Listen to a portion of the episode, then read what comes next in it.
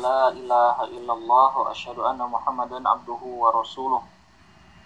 Qala Allah Ta'ala fil Qur'anil Azim, a'udzu billahi minasyaitonir rajim. Wa dzakir fa inna dzikra tanfa'ul mu'minin. Ikhwafillah, alhamdulillah di kesempatan malam hari ini kita dipertemukan kembali oleh Allah Subhanahu wa taala. Dan insyaallah kita akan bahas pembahasan hadis yang kedua dari hadis Arba'in An-Nawawiyah sebagaimana yang sudah pernah dijelaskan sebelumnya bahwa hadis Arba'in An-Nawawiyah ini disusun oleh Imam Nawawi yang isinya ada 42 hadis yang terkandung di dalamnya pokok-pokok agama. Hal-hal yang pokok-pokok dan semua hadisnya sahih sahih dan hasan tidak ada yang doa kemudian Imam Nawawi hanya menyebutkan perawi yang terakhir yaitu sahabat agar memudahkan kita kaum muslimin untuk mempelajarinya dan menghafalnya. Sebelum dibahas untuk hadis yang kedua ini akan saya bacakan dulu hadisnya. Bismillahirrahmanirrahim. An Amiril Mu'minin Abi Hafsin Umar bin Al-Khattab radhiyallahu taala anhu qala Inama nahnu julusun inda Rasulillah sallallahu alaihi wasallam ذات يوم اطلع علينا رجل شديد بياض الثياب شديد سواد الشعر لا يرى عليه أثر السفر ولا يعرفنا ولا يعرفه منا أحد حتى جلس إلى النبي صلى الله عليه وسلم فأسند ركبتيه إلى ركبتيه ووضع كفيه على فخذيه وقال يا محمد أخبرني عن الإسلام Faqala Rasulullah sallallahu alaihi wasallam al-Islam wa antashhada an la ilaha illallah wa anna Muhammadar Rasulullah wa tuqima shalah wa tu'ti zakah wa tasuma ramadan wa tahujjal baita in istata'ta ilaihi sabila. Qala sadaqta wa ajibna lahu yas'aluhu wa yusaddiquhu. Qala fa akhbirni 'anil iman. Qala an tu'mina billahi wa malaikatihi wa kutubihi wa rusulihi wa yaumil akhir. وتؤمن بالقدر خيره وشره. قال صدقت. قال فأخبرني عن الإحسان. قال أن تعبد الله كأنك تراه فإن لم تكن تراه فإنه يراك. قال فأخبرني عن الساعة. قال ما المسؤول عنها بأعلم من السائل. قال فأخبرني عن أماراتها. قال أن تلد الأمة ربتها وأن ترى الحفاة العراة العالة رعاء عشاء يتطاولون في البنيان. summa talaqa qalabistu maliyan qalabisa maliyan summa qala ya Umar atadri man isail qultu Allah wa rasuluhu alam. Qala fa innahu Jibril attakum yu'allimukum dinakum. Rawahu Muslim. Ikhwan dan akhwat atau akhwat fillah yang dirahmati Allah kita akan membahas satu hadis di mana hadis ini sebetulnya hadis panjang yang tidak akan bisa dibahas secara detail dalam satu pertemuan. Hadis ini adalah hadis yang sangat pokok bahkan disebut dengan Imam Qurtubi mengatakan ummus sunnah induknya hadis. Kalau Al-Quran punya induknya Al-Quran namanya Al-Fatihah umul Quran yaitu Al-Fatihah. Kalau hadis ya umus sunnah atau umul hadis itu hadis ini hadis Jibril disebutnya. Hadis Jibril karena di dalamnya ada percakapan antara, antara Nabi Muhammad SAW dengan Jibril alaihissalam. Jadi hadis ini adalah hadis pokok, hadis yang sangat agung, ya, termasuk Jawa Mi'ul Kalim. Kemudian uh, Ibnu Rajab mengatakan di dalam hadis ini semua urusan Islam ada semua urusan din ini ada terkandung dalam hadis ini. Jadi hadis ini salah satu hadis yang wajib dipelajari oleh setiap muslim agar tahu bagaimana caranya beribadah kepada Allah Subhanahu wa taala, bagaimana caranya berislam, beriman, berisan, bagaimana caranya e, memahami tentang takdir dan yang lainnya. Di dalam hadis ini, hadis ini di dalamnya ada satu pokok yang digarisbawahi yaitu tentang takdir.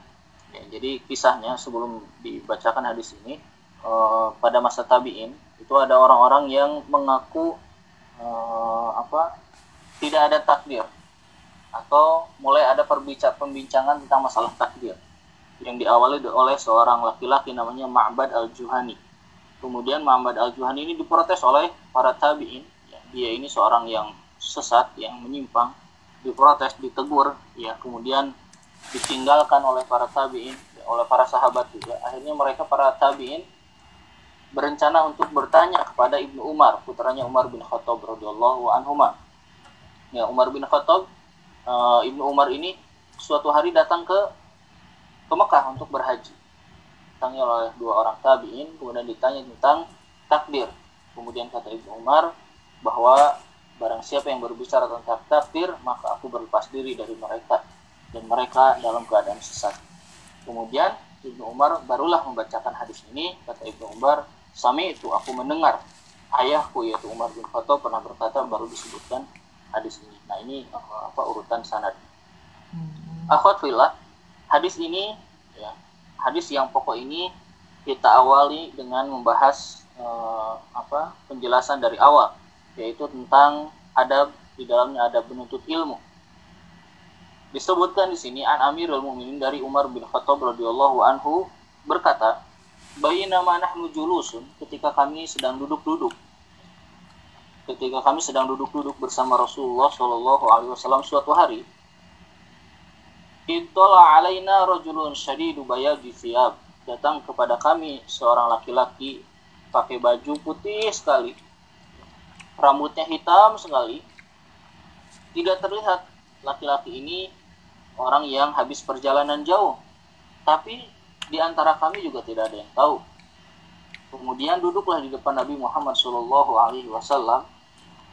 Faasnada rukbataihi ila rukbataihi. Dua lututnya ditempelkan ke lututnya Nabi Muhammad Shallallahu Alaihi Wasallam.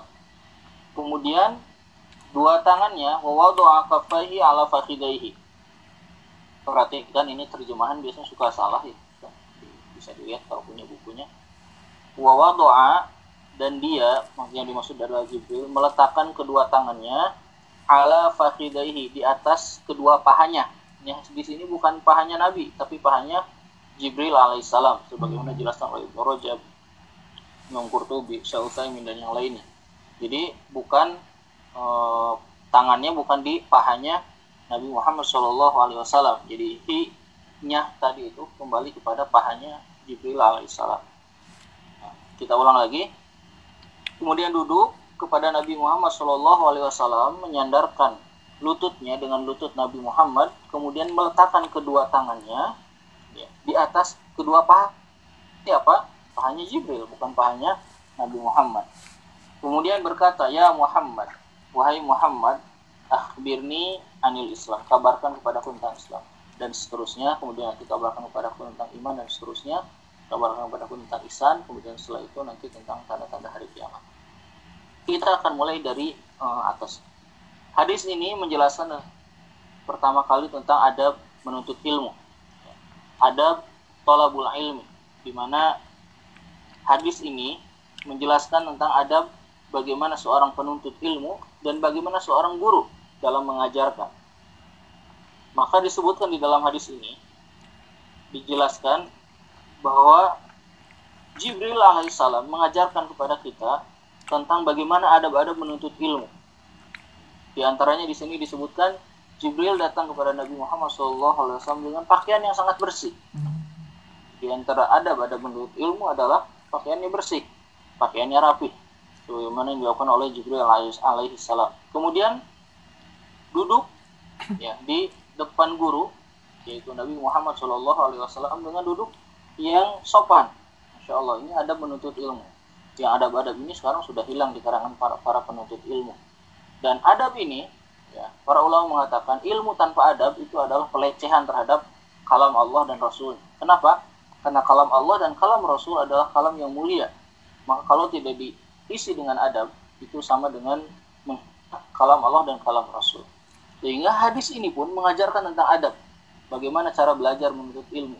Insya Allah dulu Imam Syafi'i pernah di dalam sebuah kisah, Imam Syafi'i pernah berkata dalam sebuah riwayat, kata Imam Syafi'i, aku kalau sedang belajar di depan guruku Imam Malik kalau aku sedang membuka kitab dan Imam Malik sedang mengajarkan ilmu ketika aku akan membuka halaman yang baru maka aku tidak pernah membukanya dengan cara membuka yang keras maka aku buka dengan jari yang sangat lembut dengan cara yang sangat pelan agar tidak mengganggu Imam Malik dalam menyampaikan ilmu. Masya Allah, adab-adab ini diajarkan oleh Jibril alaihissalam. Bagaimana duduk di depan Nabi Muhammad SAW dengan pakaian yang rapi, dengan pakaian yang sopan, kemudian duduknya dengan cara yang rapi. Dan ini merupakan adabnya para salafus saleh mereka yang diridhoi oleh Allah Subhanahu wa taala mereka kalau menuntut ilmu mereka betul-betul menuntut ilmu dengan cara yang yang terbaik ya mereka berbicaranya dengan bicara dengan cara yang sopan kemudian mereka juga ketika berada di depan gurunya mereka betul-betul fokus makanya Imam Al-Asma'i mengatakan awalul ilmi asumtu ilmu itu yang pertama kali diam diam dulu musibah atau fitnahnya para penuntut ilmu di akhir zaman sekarang ini baru mulai menuntut ilmu sudah banyak bicara. Kenapa? Karena fitnahnya orang yang baru belajar itu adalah tidak uh, tidak bisa menjaga lisan, susah menjaga lisan. Maka kata Imam Al Asma'i, awalul ilmi asumtu. Pertama kali diam dulu, ya, diam dulu, jangan banyak bicara sebelum memahami dengan benar. Kemudian yang kedua, husnul istima. Kata Imam Al Asma'i, yang kedua baru ditambah yaitu husnul istima, mendengar dengan baik yang Ibnu uh, Ibnu Abbas rahim uh, radhiyallahu an pernah ditanya radhiyallahu anhu wahai Ibnu Abbas bagaimana caranya engkau bisa mendapatkan ilmu engkau ini pintar sekali masih remaja sudah hebat kata Ibnu Abbas aku punya dua kuncinya satu tawadu sifat rendah hati tidak sombong kalau sudah orang sudah rendah hati dia akan menerima apa pun yang disampaikan kebaikan-kebaikan kemudian yang ke wa ilqa isam' mendengar dengan baik. Jadi nah ini ada pada menuntut ilmu. Lihat Jibril ketika dengan Nabi Muhammad Shallallahu Alaihi Wasallam. Kalau Rasul didengarkan apa yang disampaikan oleh Jibril dan Jibril mendengarkan jawaban-jawaban dari Nabi Muhammad Wasallam dengan baik. Jadi ilmu itu yang pertama diam kata Imam Al-Asma'i ya. Oh, karena fitnahnya para penuntut ilmu yang baru belajar itu adalah tidak susah untuk diam ya. Suka berkomentar menilai Masya Allah. Fitnah-fitnah di media sosial itu kebanyakan para penuntut ilmu yang belum mengerti dengan ilmu. Sehingga Samin mengatakan fitnah para pemuda di akhir zaman itu adalah ketika mereka banyak berdebat tentang hal-hal yang mereka tidak mengerti.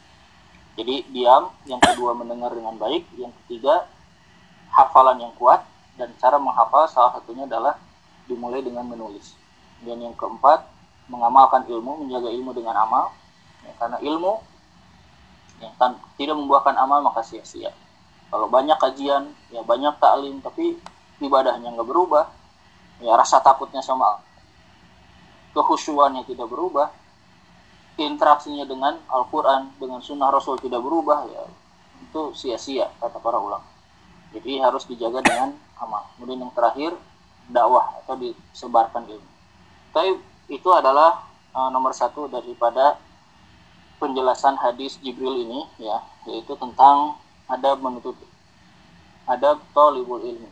Dan juga di dalamnya ada adab seorang alim atau seorang pengajar mu mualim seorang pengajar juga diperlihatkan di sini oleh Rasulullah Shallallahu Alaihi Wasallam memiliki adab mendengarkan apa yang ditanyakan oleh oleh murid kemudian setelah itu kalau tidak tahu maka dijawab dengan bahasa tidak tahu Nabi di dalam hadis sendiri katakan, oh, akhbirni anisa. Kata Jibril, kabarkan kepadaku tentang hari kiamat, wahai Muhammad. Wahai Muhammad. Kemudian kata Rasul, mal mas'ulu anha bi'a'lam minasail. Yang ditanya tidak lebih tahu daripada yang bertanya. Aku tidak tahu maksudnya. Jadi, Syekh Uthaymin mengatakan kalau ada orang yang seorang mukmin, pengajar, guru, ditanya sesuatu dan dia menjawab la a'lam dan dia tidak tahu dan kemudian dia menjawab aku tidak tahu maka itu ciri dia berakal ciri dia memiliki akhlak yang baik dan ini masya Allah sudah susah mau menjaga hal ini ketika ditanya oleh orang lain ya susah untuk mengatakan tidak tahu. Uh, inginnya kalau ditanya ya menjawab dengan se seasalnya gitu. Padahal tidak boleh uh, asal berbicara. Berbicara harus dengan ilmu. Insya Allah kalau di Madinah itu ada seorang syekh namanya Syekh Musin Al Abad muhadis abad ini yang beliau masih hidup. Dulunya dosen di Universitas Islam Madinah. Masih mengajar di Masjid Nabawi. Ayahnya dari uh, Profesor Dr. Abdul Razak. Beliau ini ahli hadis beliau kalau lagi mengajar di Masjid Nabawi dan ditanya seorang penanya dan masalahnya umumnya belum dimengerti oleh beliau atau masalah-masalah yang kontemporer yang beliau belum menelitinya beliau tidak segan-segan mengatakan la alam aku tidak tahu. Lanjutkan kata pertanyaan berikut. Insya Allah ini ada pengajar yang sangat bagus sekali. Ya, jadi ini materi yang pertama daripada hadis Jibril ini. Kemudian ya berikutnya di dalam hadis ini juga disebutkan tentang ada Islam, ada iman, ada ihsan. Ini urutan din. Ya. Islam, iman, ihsan. Kita akan mulai dulu dengan Islam. Rasulullah ditanya oleh Jibril, Akhbirni anil Islam. Kabarkan kepadaku tentang Islam. Kemudian Rasul menjawab, Islam itu ada lima dengan jawaban syahadat, sholat, zakat, saum, dan haji. Setelah itu ditanya lagi oleh Jibril alaihissalam, ya kabarkan kepadaku tentang iman dan oleh Nabi Muhammad SAW dijawab bahwa iman itu ada enam dengan iman kepada Allah, malaikat, kitab, ya, Rasul, yaumil akhir, uh, takdir yang baik dan yang buruk. Nah, akhwat filah rahimakunallah ya. Hadis ini berbicara tentang urutan-urutan Islam, urutan-urutan din, marotibuddin, urutan-urutan dalam agama. Pertama diawali dengan Islam, kemudian yang kedua iman. Rasulullah Shallallahu Alaihi Wasallam di dalam hadis ini menjelaskan tentang apa itu mana Islam dan apa itu mana iman. Kalau kita baca hadis ini, kita akan langsung paham. Oh, mana Islam itu adalah amal anggota badan, amal jawari, syahadat, sholat, saum, zakat, amal anggota badan. Tapi kalau ditanya iman itu apa? Kalau lihat hadis ini adalah anggota amal batin, amal yang ada dalam hati, beriman kepada Allah, kepada malaikat itu amal batin kalau kita melihat penjelasan daripada hadisnya uh, hadis Jibril. Nah, mari kita bahas. Ya. Akhwatullah, hadis ini ya, pertama menjelaskan tentang Islam, bahwa Islam dijelaskan dengan makna amal-amal yang zahir. Ya, amal-amal yang yang zahir yang nampak syahadat, sholat, saum, zakat, ya, haji. Ini amal-amal yang zahir. Dan iman dijelaskan dengan makna amal-amal yang batin. Namun, ya, kalau kita pahami ini secara global dulu saya akan jelaskan ya. Islam dan iman ini kalau dipisahkan dipisahkan dalam sebuah dalil baik itu hadis ataupun Al-Qur'an ayat dipisahkan. Ada Islam ada iman dipisahkan maka maknanya Islam itu iman iman itu Islam. Tapi kalau disatukan seperti dalam hadis ini maka Islam maknanya berdiri sendiri yaitu amal anggota badan yang lahir iman adalah amal yang batin ini kaidah yang disebutkan oleh para ulama idza jatama'a iftaraka wa idza iftaraka ijtama'a. Kalau dikumpulkan dia terpisah maknanya, kalau dipisahkan dia terkumpul mana. Itu, itu kaidahnya. Maksudnya apa? Maksudnya kalau dipisahkan dalam satu dalil ya, ada satu dalil bicara tentang iman, berarti Islam juga masuk ke situ. Karena tidak mungkin iman hanya anggota amal batin saja pasti di situ juga termasuk ke dalam amal-amal jawari. Contoh, Nabi Muhammad Shallallahu Alaihi Wasallam dalam sebuah hadis yang sahih pernah bersabda, kata Nabi, al imanu sab'una syu'bah. Iman itu adalah 70 lebih cabang. 70 lebih cabang. A'laha kalimatullah ilaha illallah. Kata Nabi Muhammad SAW, yang paling tinggi cabang iman itu adalah kalimat la ilaha illallah wa adnaha imatatul adza anit tariq dan yang paling rendah adalah menyikirkan duri dari jalanan. Kalau kita melihat hadis ini ya, maka kita akan faham bahwa Rasulullah Shallallahu Alaihi Wasallam ketika menyebutkan mana iman berarti Islam juga masuk ke sini. Kenapa? Karena yang disebutkan oleh Nabi adalah amal jawari menyingkirkan duri dari jalan kemudian kata Nabi dan malu juga bagian daripada iman kemudian uh, apa senyum kita juga bagian dari kepada saudara kita bagian daripada iman. Ini semuanya adalah amal amal jawari. Nah, itu maksudnya kalau dipisahkan. Ini banyak uh, akad filah ya di dalam Al-Qur'an dan hadis istilah-istilah begini, kayak miskin dan fakir ya. Coba nanti akhwat kalau baca Al-Qur'an, kalau ada kalimat satu ayat di dalamnya ada kalimat fakir dan ada kalimat miskin digabungin dalam satu ayat, maka fakir artinya berdiri sendiri ya miskin artinya berdiri sendiri. Tapi kalau dipisahkan, ya, maka fakir itu adalah miskin, miskin juga adalah fakir. Hmm. Kalau disatukan, fakir adalah orang yang nggak punya apa-apa sama sekali. Kalau miskin adalah dia punya, tapi kebutuhan pokoknya tidak tercukupi, itu miskin. Nah, kalau dipisah, maka di, ketika ada kalimat fakir berarti miskin juga ini maksud, ketika ada kalimat miskin berarti fakir juga ini maksud. Nah ini kaidah uh, sebagai pengetahuan saja nanti biar tidak uh, apa susah memahaminya ya. Jadi kaidahnya idza jitama iftaraka wa idza iftaraka ijtama. Kalau dikumpulkan terpisah mananya? Kalau dipisahkan menjadi satu mana nah, itu kaidah nah taib kita akan bahas dari mulai Islam ya. Islam ya di sini dimanai dengan ketika ditanya Rasulullah Shallallahu Alaihi Wasallam tentang Islam maka uh, Rasulullah menjawab tentang lima hal. Ya syahadat salat saum zakat dan uh, zakat saum dan haji. Lima hal ini adalah rukun arkanul Islam sebagaimana disebutnya juga nanti di dalam empat ya apa yang ketiga? Yang ketiga ya bunyal Islam ala khamsin ya. Islam ditegakkan di atas lima perkara. Jadi lima hal ini adalah uh, rukun daripada Islam. Orang muslim dikatakan muslim ya dikatakan muslim ada dua mana.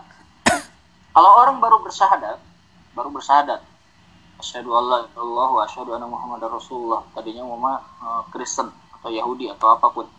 Kemudian dia bersyahadat maka dia disebutnya muslim secara hukum. Ya muslim secara huk hukman muslim hukman. Ya. muslim secara hukumnya secara hukum dia muslim tapi dia belum disebutkan muslim secara hakiki secara hakiki dia belum muslim sampai dia menegakkan sisa daripada rukun Islam yaitu sholat, zakat, saum dan haji. Kalau dia sudah bersahadat dan meninggalkan salah satunya dengan membangkang dan dia tahu itu wajib dan dia mampu melakukannya seperti sholat, dia mampu melakukannya, dia membangkangnya. Kalau ditanya, kamu sudah syahadat? Sudah syahadat. Muslim?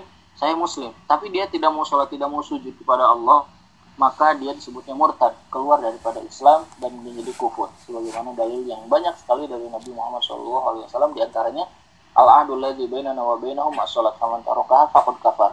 Perjanjian antara kami dengan mereka adalah sholat barang siapa yang meninggalkannya maka dia telah kufur. Nah ini uh, apa kaidah dalam Islam. Jadi orang kalau baru bersyahadat disebutnya muslim hukum secara hukum secara hukum dia punya uh, apa secara hukum tuh gini. Dia kalau mama meninggal bisa mewariskan. Kalau mama orang tuanya meninggal dan orang tuanya muslim dia mendapatkan warisan begitu.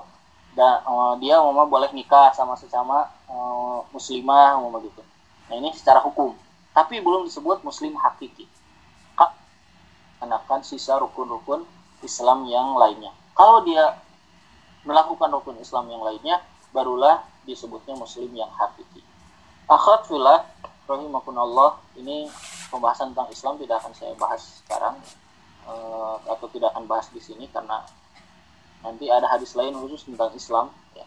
intinya Islam adalah lima perkara dan paling pokok setelah syahadat adalah sholat sholat adalah kunci daripada semuanya ya, sholat ini adalah ketika ada seseorang yang meninggalkan sholat karena membangkang maka dia disebutnya kufur bahkan amal ibadah dari lima rukun ini atau empat rukun yang sisa selain syahadat tadi yang lainnya itu bisa gugur. Tapi kalau sholat tidak bisa gugur. Sampai kapan pun sampai meninggal. Ber meninggal baru gugur. Kalau zakat ya miskin gugur kewajiban zakat. Dia jadi mustahik malah dapat uang. Dapat eh, apa harta dari zakat. Kemudian saum orang kita wajib saum. Ada seorang bawa bapak kakek sudah sepuh. Dia wajib saum tapi karena sudah sepuh sakit nggak mampu lagi saum gugur kewajibannya. Maka dia boleh bayar fidyah. Haji.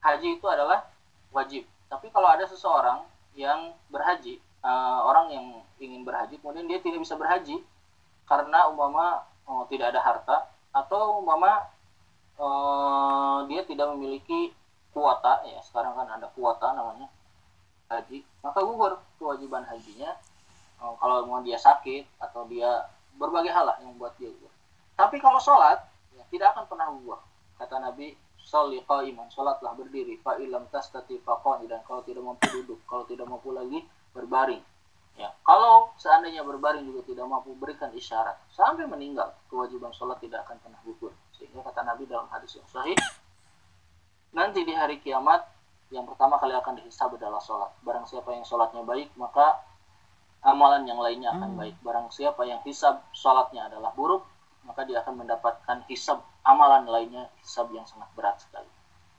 Nah ini mengenai tentang Islam ya jadi Islam nah, seperti itu. Sekarang kita masuk ke iman ke masalah iman. Dulunya juga kalau tidak salah di temanya iman ya pembahasan tentang iman. Kita akan bahas tentang iman setelah Islam dan Rasul menjawab apa itu Islam kemudian kata uh, Jibril alaihi salam sodakta kau benar. Semua sahabat kaget. Ini kau bertanya terus bilang sodakta ya kau benar Nah ini uh, khusus bagi Jibril dan itu juga memberitahukan bahwa beliau adalah uh, utusan Allah dan beliau adalah Jibril alaihissalam. Makanya Jibril memanggil Nabi Muhammad dengan kalimat Ya Muhammad. Uh, apa sedangkan yang lain para sahabat tidak boleh memanggil Rasulullah dengan kalimat Ya Muhammad, harus memanggil dengan kalimat Ya Rasulullah. Dan kalau di Al-Quran, ya, Rasulullah tidak pernah dipanggil dengan kalimat nama, dengan nama atau dipanggil dengan eh, bahasa Rasul atau Nabi. Kalau yang lainnya dipanggil Musa, Ibrahim, ya, Ismail, Isa, Yahya, ya Zakaria, ya. Itu semuanya dipanggil dengan nama. Kecuali Nabi Muhammad tidak pernah ada satupun ayat di mana Nabi Muhammad dipanggil namanya.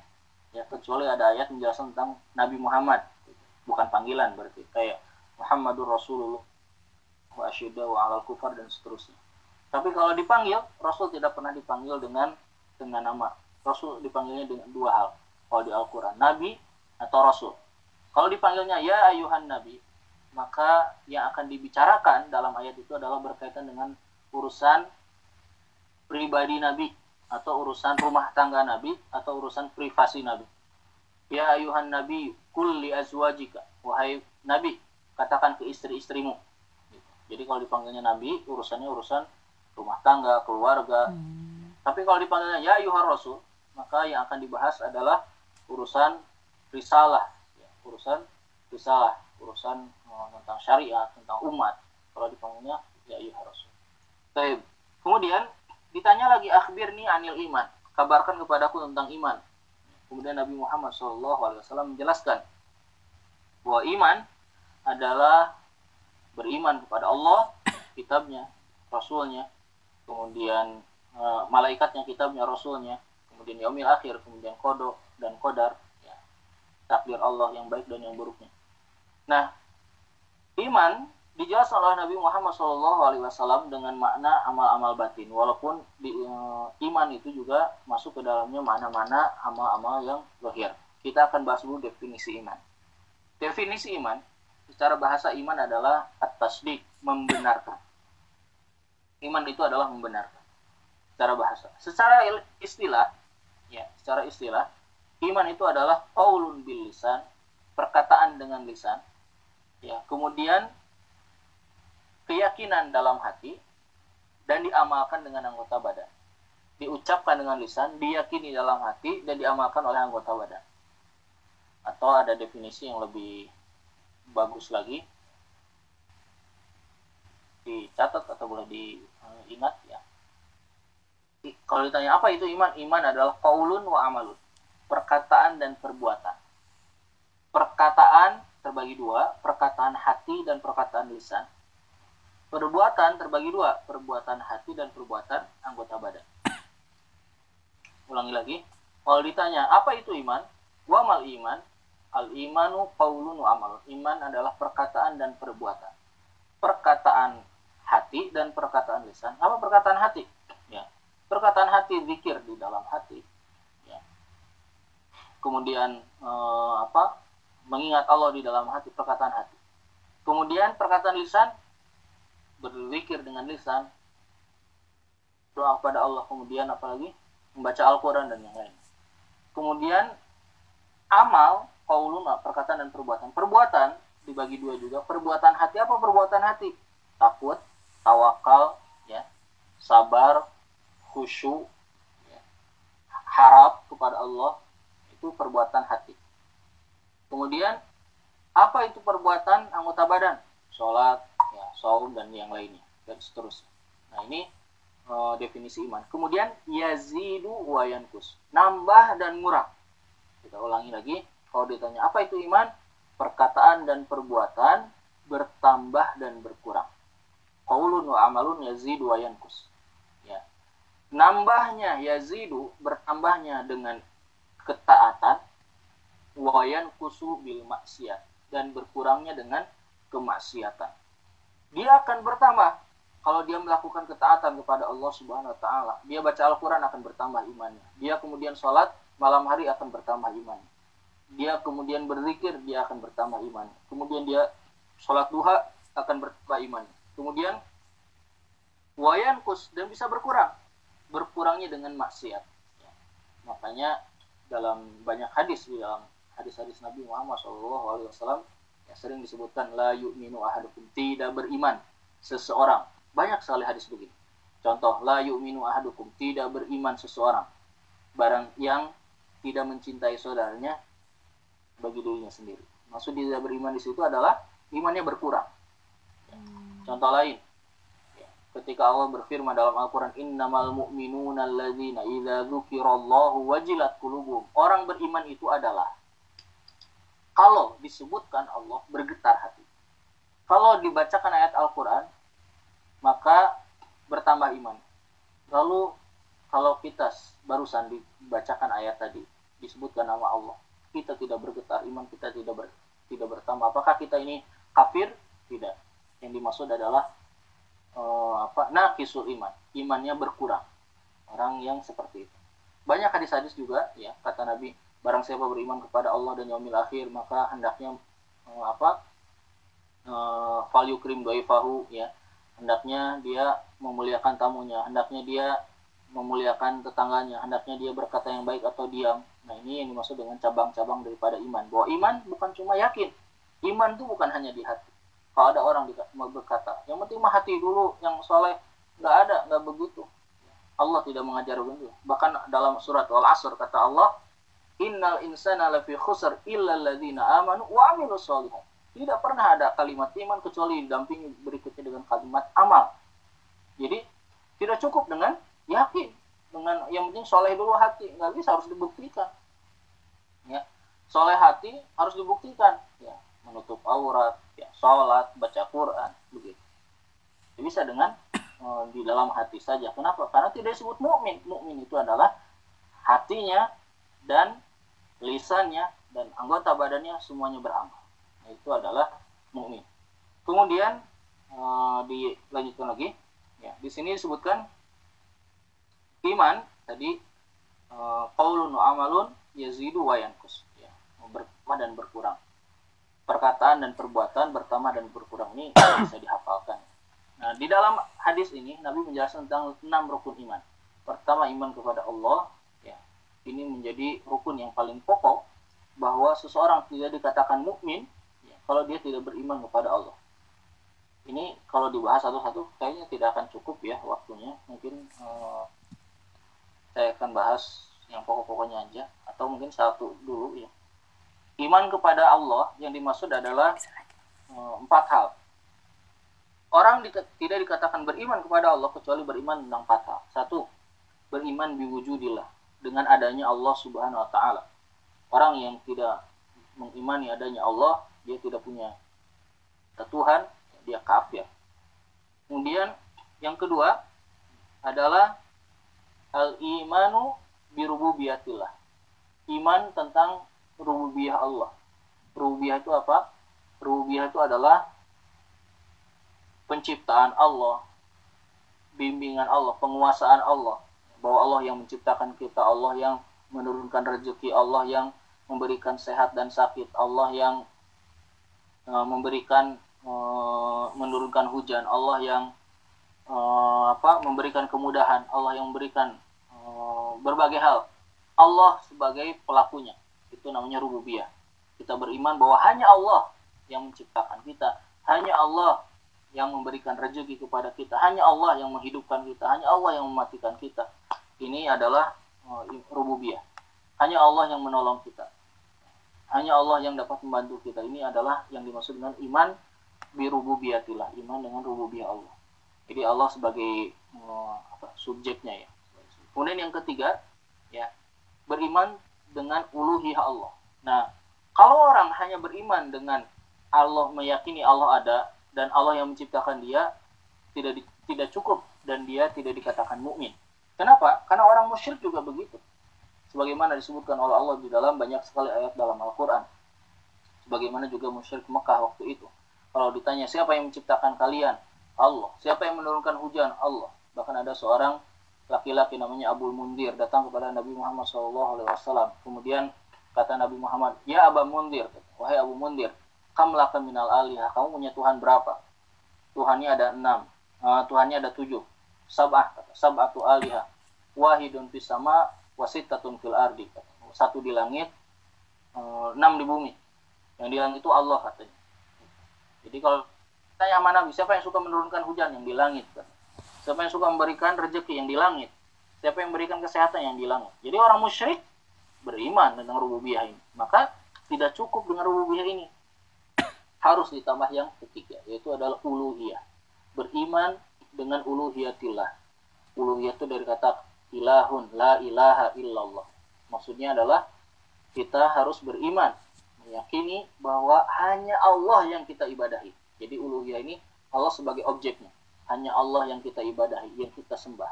Hanya Allah hanya kepada Allah kita berdoa. Hanya kepada Allah kita meminta. Hanya kepada Allah kita takut. Hanya kepada Allah kita berharap. Ini adalah uluhiyah. Mana daripada la ilaha illallah adalah tidak ada ilah yang berhak disembah kecuali Allah Subhanahu wa taala. Jadi ini yang ketiga ini ya, orang-orang musyrik tidak punya. Mereka kalau ditanya siapa yang menciptakan kalian Allah, habis itu kalau pada waktu-waktu tertentu kemudian mereka eh, kemudian mereka pada waktu-waktu tertentu mereka kemudian bermaksiat kepada Allah Subhanahu wa taala dengan cara mereka tidak beribadah kepada Allah Subhanahu wa taala. Dengan cara apa? Mereka berbuat syirik. Baik, uh, ditunggu sebentar.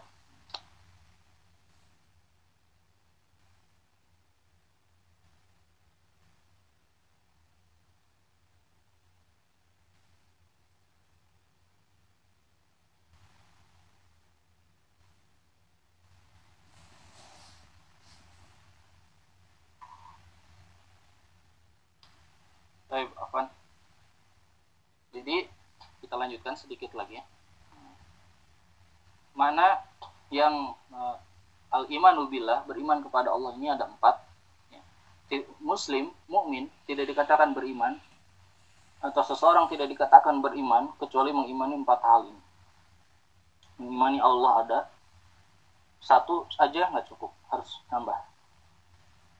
Mengimani rububiyahnya, yaitu Allah yang menciptakan, Allah yang memberikan rezeki, Allah yang menurunkan hujan, Allah yang memberikan sehat, Allah yang memberikan pertolongan, Allah sebagai subjeknya. Kemudian yang ketiga uluhiyah. Nah ini orang musyrik mereka rububiyahnya beriman, tapi mereka tidak beriman tentang uluhiyah. Maka mereka dikatakan kafir musyrik. Maka harus beriman dengan uluhiyah itu bahwa kalau berdoa hanya kepada Allah memintanya kepada Allah. Kemudian kalau e, apa menyembelih hanya untuk Allah gitu ya. ada orang sekarang kan lagi banyak di Indonesia itu. Menyembelih sapi ya biar pertaniannya makmur berkah nah gitu. Itu semuanya adalah tidak beriman dengan uluhiyah. Kalau ditanya siapa yang menciptakan kamu? Allah. Kalau ditanya kamu muslim? Muslim. Tapi urusan ibadah mereka menyekutukan Allah dengan yang lainnya. Mereka membuat tandingan-tandingan di sisi Allah Subhanahu wa taala. Nah, nah ini yang ketiga. Yang keempat, yang terakhir adalah asma dan sifat Allah Subhanahu wa taala. Maka mumin juga di, tidak dikatakan mumin yang yang sempurna kalau dia tidak beriman kepada asma dan sifat Allah. Kata Allah, walillahil asmaul husna dan Allah memiliki nama-nama yang baik. Pad'uhu biha berdoalah dengan nama-nama yang baik itu. Nah, akhwat fillah Allah. Asmaul husna Allah Subhanahu wa taala ya. Jumlahnya sangat banyak. yang diketahui oleh kita adalah 99 namun yang sahih yang kuat adalah bahwa jumlahnya tidak tidak ada yang tahu ya tidak terhitung jumlah nama Asmaul Husna yang diberitakan ke kita hanya 99 nah apa dalilnya Ustaz dalilnya adalah Nabi Shallallahu Alaihi Wasallam pernah berdoa dalam sebuah doanya kata Nabi Allahumma uh, ini abduka bani abdika madin fiya hukmu as'alu Allahumma. Ya Allah aku mohon kepadamu bi kullismin dengan nah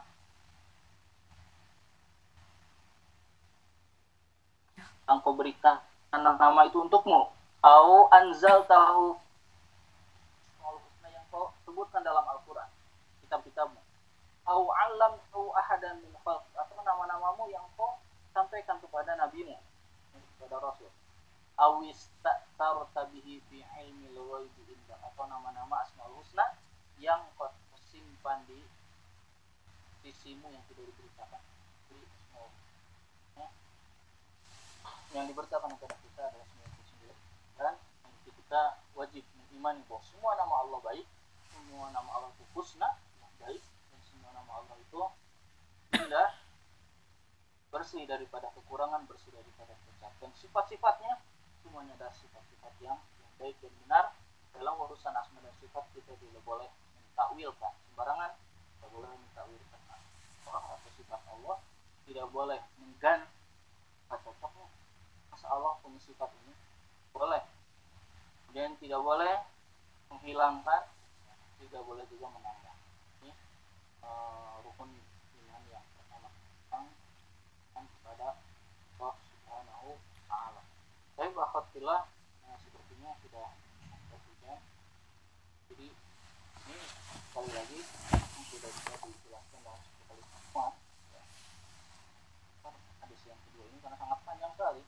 Jadi setiap rukun itu ya itu pembahasan bisa pertemuan. Uh, rukun iman yang kedua beriman kepada malaikat. Kenapa uh, minabillahi wa malaikat kenapa setelah beriman kepada Allah malaikat? Kenapa enggak rasul dulu? Kenapa enggak kita dan iman kepada malaikat itu apa saja? Kita harus bahas ini. Kemudian uh, interaksi kita dengan malaikat itu ada apa aja? Ikatan mukmin malaikat. Ini kita harus tahu kenapa? Karena kalau kita tahu kita semakin semangat dalam beramal ya. Banyak sekali kan hadis-hadis hadis tentang malaikat dan kaum mukminin. Contoh kata Nabi innalillahi la malaikatun siyahiyuna Allah itu memiliki malaikat-malaikat yang berkelana di muka bumi tugasnya apa tugasnya adalah mencari majelis ilmu. Kalau ada majelis ilmu, mereka akan duduk di situ, mengepakkan sayapnya, kemudian memanggil orang-orang agar duduk di situ.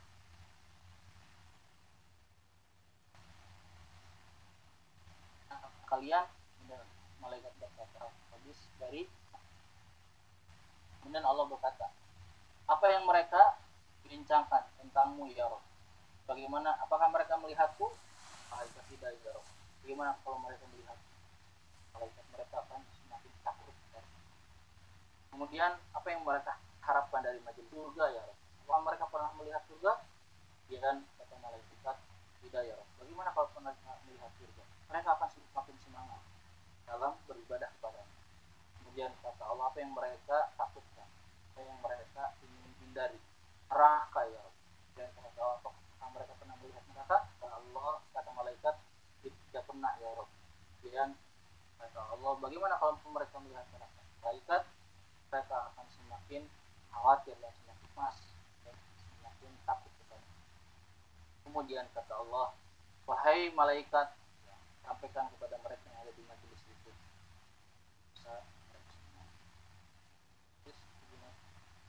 kemudian di akhir hadis ini harusnya panjang di akhir hadisnya tiba-tiba ada malaikat berkata ya Rob. Ya. Inna fiha rajulun di dalamnya itu tadi ada seorang laki-laki ada seseorang kan lewat dia tuh ahli maksiat. Kebetulan lewat duduk di majelis itu. Kemudian kata Allah pada dia pun tidak kebetulan lewat yang punya dosa itu Allah. Ini dengan malaikat dengan orang yang beriman. Itu banyak itu hadis-hadisnya bagaimana orang mukmin kalau di masjid dengan malaikat hubungannya bagaimana orang mukmin di perjalanan bagaimana orang mukmin dengan malaikat kalau di rumah bagaimana. Itu khas. Jadi tiap rukun ini rasanya panjang dan nanti yang lebih panjang lagi adalah rukun tentang hari akhirat. Beriman pada hari akhirat yamin akhir. Itu membahasnya panjang ya. Jadi katakan beriman kepada yamin akhir betul mengimani banyak hal dari mulai tanda hari kiamat azab kehidupan di alam kubur kehidupan di padang masyar yaumil hisab sirat mizan surga neraka Baik, apabila Ya Ustazah, eh, ya Ustaz, uh, Alhamdulillah Jazakumullah khair atas uh, materinya. Memang panjang sekali kan ya uh, hadis kedua ini. Uh, semoga nanti Ustadz uh, masih memiliki waktu luang itu untuk memberikan ilmunya kepada kami juga untuk melanjutkan uh, materi di hadis kedua ini. Uh, ya uh, teman-teman muslimah yang lainnya silahkan bila ada yang uh, punya pertanyaan tadi sudah disampaikan oleh Ustadz tentang materi hadis kedua dimulai dengan ada uh, berilmu uh, mencari ilmu dan memberikan ilmu sampai kepada uh, iman kepada uh, Allah. Mungkin ada teman-teman uh, yang memiliki pertanyaan atas materi-materi tersebut silahkan bisa ditulis atau langsung uh, bertanya kepada Ustadz. Sambil menunggu pertanyaan uh, begini Ustadz uh, kan biasanya uh, kalau di Indonesia kan kita ada juga uh, apa ya seperti sifat-sifat Allah yang wujud kidam bako seperti itu ya. Nah itu itu sebenarnya uh, berasal dari hadis yang sahih atau tidak ya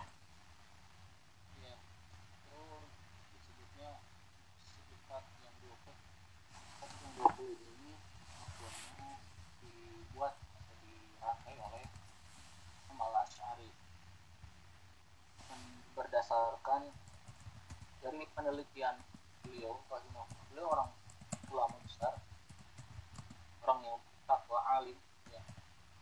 dan belajar pernah belajar filsafat Yunani dan meneliti tentang sifat-sifat Allah merangkumlah dari 20 20 sifat yang ini di akhir kehidupannya beliau bertaubat dan mengatakan ini tidak benar hmm. kita tidak tidak mensifati kecuali kecuali apa yang Allah sifati untuk Allah sendiri tidak mentakwil tidak mengurangi tidak menambah tidak mengganti tidak merubah. E, ada bukunya ya, buku tentang e, apa taubatnya beliau tentang asma apa sifat-sifat yang 20 ini.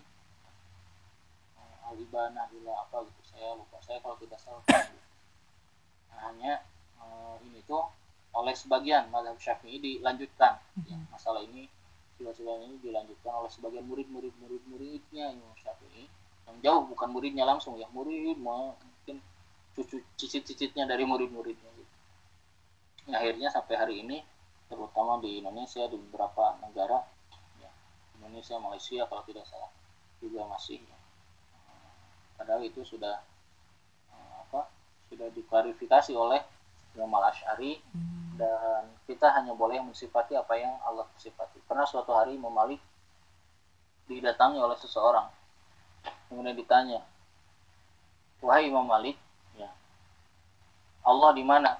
Kemudian kata Imam Malik, Allah di atas aras beristiwa, bersemayam. Kemudian wa kaifal istiwa? Bagaimana bersemayam ya Allah? Apa jawaban Imam Malik? Kata Imam Malik, al istiwa ma'lumun. Bersemayam itu maklum, semua orang sudah tahu sebagaimana kita tahu tidur, makan. Kalau orang ditanya, ya, di mana saudara kamu? Lagi makan. Makannya gimana? Pakai tangan, pakai garpu, pakai sendok, ya, buka mulut, pakai gigi, pakai gigi kan nggak perlu dijelaskan, sudah tahu makan yang sedang makan. Kalau ditanya di mana ayah kamu lagi tidur, itu kan semuanya maklum, semuanya tahu, tidur itu. Ya, dan nggak perlu dijelaskan apakah tidurnya tengkurap miring ke kanan ke kiri, ya, merem apa enggak gitu Nah, semua orang sudah tahu. Maka Imam Malik namanya bersemayam tuh maklum, ini mudah diketahui ya. Nama kayak duduk. Di mana gitu. Duduknya sila apa-apa gitu ya. Nah, ini kan nggak benar kata Imam Malik. Kemudian kata Imam Malik ya al istiwa maklum wal iman wajib. Tapi beriman tentang istiwanya Allah itu wajib. Kenapa? Karena Allah yang berfirman di dalam surat Toha kata Allah Ar-Rahmanu alal arshis tawa Ar-Rahman di atas arus istiwa. Kemudian kan tadi kata Imam Malik istiwa itu maklum sudah diketahui ya nggak perlu nggak perlulah bertanya-tanya itu ini. Dan yang kedua tapi beriman kepada itu wajib. Wal kaifu majhulun tapi bagaimananya istiwanya Allah itu majhul nggak ada yang tahu. Kenapa? Karena laisa kamitslihi syai'un wa huwa samiul basir. Tidak ada yang sama seperti atau tidak ada yang sama dengan Allah subhanahu wa taala laisa kamitslihi syai'un. Tidak ada sesuatu pun yang sama seperti Allah. Tidak ada sesuatu pun yang mirip atau yang menyerupai Allah. Tidak ada dalam hal apa pun. Laisa kamitslihi syai'un wa huwa samiul basir. Jadi wal kaifu majhulun. Bagaimananya tidak ada yang tahu kata Imam Malik. Wasu'alu anhu eh wal imanu bihi wajibun. Jadi, beriman kepadanya wajib sudah ya. Kemudian wasu'alu anhu bid'atun. Dan bertanya tentangnya banyak nanya-nanya bagaimana ini? Oh, kalau gini nggak masuk akal nih nah hmm. maka kata Imam Malik bid'atun itu bid'ah. Jadi itu berkaitan dengan sifat-sifat Allah Subhanahu wa taala ya. Eh, sifat-sifat yang 20 itu lebih baik sebetulnya tidak diajarkan. Lebih baik diajarkan sebagaimana Allah Eh, dan Rasulnya uh, atau menjelaskan dalam Al-Quran dan hadis dan sebagaimana Allah menjelaskan tentang sifat-sifatnya sendiri. Jadi kita tidak boleh mensifati jangankan Allah pencipta kita ya. Manusia aja kalau kita sifati dengan sesuatu yang dia tidak memiliki sifat itu pasti marah orang ya. pasti orang itu bakal bakal marah. Oh, dia mah apa mau oh, tukang begini tukang begitu. Padahal dia nggak pernah begitu atau padahal dia nggak begitu pasti marah. Apalagi kita mensifati Allah subhanahu wa ta'ala bukan yang Allah sifati bagi dirinya sendiri. Itu mungkinnya salah sifat ya Ustaz. Uh, terima kasih. Uh, enggak mbak-mbak yang lain hmm, bila ada pertanyaan bisa langsung ditulis atau langsung uh, berbicara di Skype ini.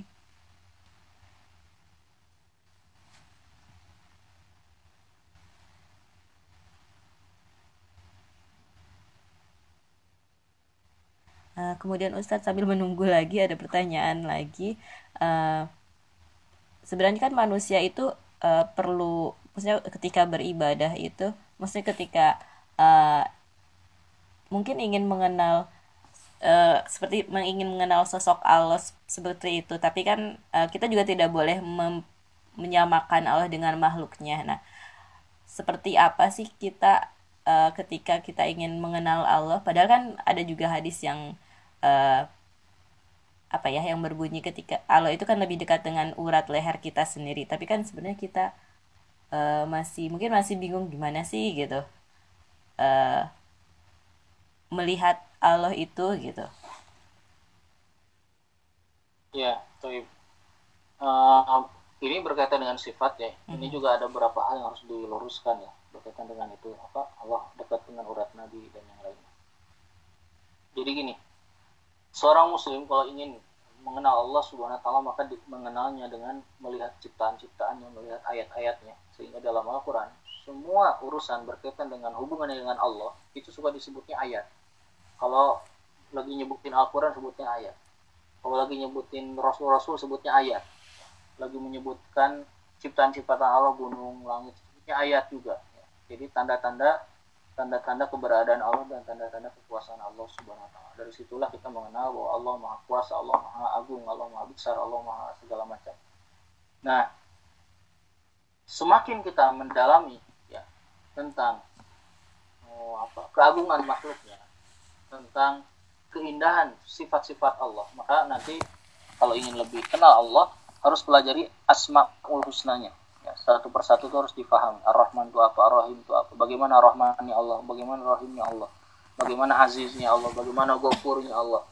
Bagaimana terus gitu. Ini apa oh, mengenal Allah melalui asma dan sifatnya. Kita pelajari asma-asma Allah subhanahu wa taala yang sangat indah tadi. Ya semakin kita semakin tahu ya kita semakin uh, mengenal Allah dan kita semakin takut sama Allah subhanahu wa taala satu tadi dengan melihat ayat-ayat kekuasaan Allah, ciptaannya, kekuasaan-kekuasaan Allah, apa tanda-tanda kekuasaan Allah. Maka bacalah kisah-kisah para rasul, para nabi. Ya. kemudian bacalah Al-Quran kemudian yang kedua mempelajari asmaul husnanya Allah dan sifat-sifatnya ini juga akan membuat kita semakin tahu Allah subhanahu wa ta'ala adapun dalil yang mengatakan bahwa Allah lebih dekat dengan urat nadi ini, ini harus diluruskan kan tadi kalau ditanya Allah di mana ya sebagian orang berkata Allah tuh ada di mana jawaban yang tidak berdalil kenapa nah tidak ada dalilnya Allah di mana-mana kalau mengatakan itu ada Allah dekat dengan urat nadi ya baca Al-Qurannya baca ayatnya harus sempurna agar tidak salah memahaminya. Kenapa? Kalau kita mengatakan Allah ada di mana, berarti Allah ada juga di di kandang hewan, Allah ada juga di toilet, Allah ada di ini adalah uh, penghinaan terhadap Allah Subhanahu wa taala. Maka bagaimana memahami ayat tadi ya, surat Qaf tadi itu ya. Uh, wa nahnu aqrabu ilaihi minkum min hablil warid dan kami lebih dekat kepada uh, kalian daripada urat nadi. Nah, yang dimaksud di sini kita lihat ayat sebelumnya. Walaqad khalaqnal insana wa na'lamu ma tuwaswisu bihi nafsuh wa nahnu wa nahnu aqrabu ilaihi min hablil warid. Ya, kami yang menciptakan uh, kalian menciptakan manusia dan kami lebih dekat dengan hablil warid. Ayat berikutnya apa? Ma yalfidu min qawlin illa ladaihi raqibun atid. Ya, tidak ada yang diucapkan kecuali di situ ada rokib dan atid yang selalu mencatat atau di situ ada malaikat yang mencatat perbuatan uh, kita yang dimaksud di situ adalah bukan Allah, tapi para malaikat yang dekat, lebih dekat kepada kita, lebih dekat daripada urat nadi. Bukan Allah subhanahu wa ta'ala. Dan istilah ini digunakan oleh Allah untuk e, menjadikan istilah yang mudah kita pahami. Sebagaimana kita kalau ada seorang e, apa presiden mengatakan, kami sekarang sudah e, membuka jalan ruas yang baru di daerah timur gitu. Maka presiden ini di Jakarta. Atau kalau apa dulu Amerika tuh kami sekarang sudah sampai di Baghdad gitu padahal presidennya mah di Amerika kan gitu nah ini yang ini istilah-istilah yang mudah difahami. Lalu dalil lain apa? Dalil lain. Ada di Al-Quran. Juga ayatnya bunyinya wa nahnu aqrabu ilaihi minkum walakin la tubsirun. Ya. Walakin la tandurun atau la tubsirun. Surat Al-Waqiah. Berkaitan dengan sakaratul maut. Sakaratul maut ketika hatta ida balagotil hulkum ketika ruh sudah sampai di tenggorokan ya. Wa antum hina idzin tandurun. Dan kalian melihat si orang yang mau meninggal itu wa nahnu aqrabu ilaihi minkum dan kami kata Allah lebih dekat kepada si si orang yang mau meninggal tadi daripada kalian yang ada di sekelilingnya ya kemudian ayat berikutnya apa ya ayat berikutnya yang dimaksud tentang para malaikat sakaratul maut, uh, para malaikat malakul maut yang berada di situ yang akan mengambil mengambil roh. Jadi yang dimaksud adalah para malaikat malaikatnya Allah Subhanahu wa taala. Itu memahami dua ayat ini ya. Ayat tentang di urat nadi sama ayat tentang ketika meninggal kata Allah kami lebih dekat kepada kalian. Itu mungkin uh, mudah-mudahan bisa dipahami. Ya Ustaz. Hmm.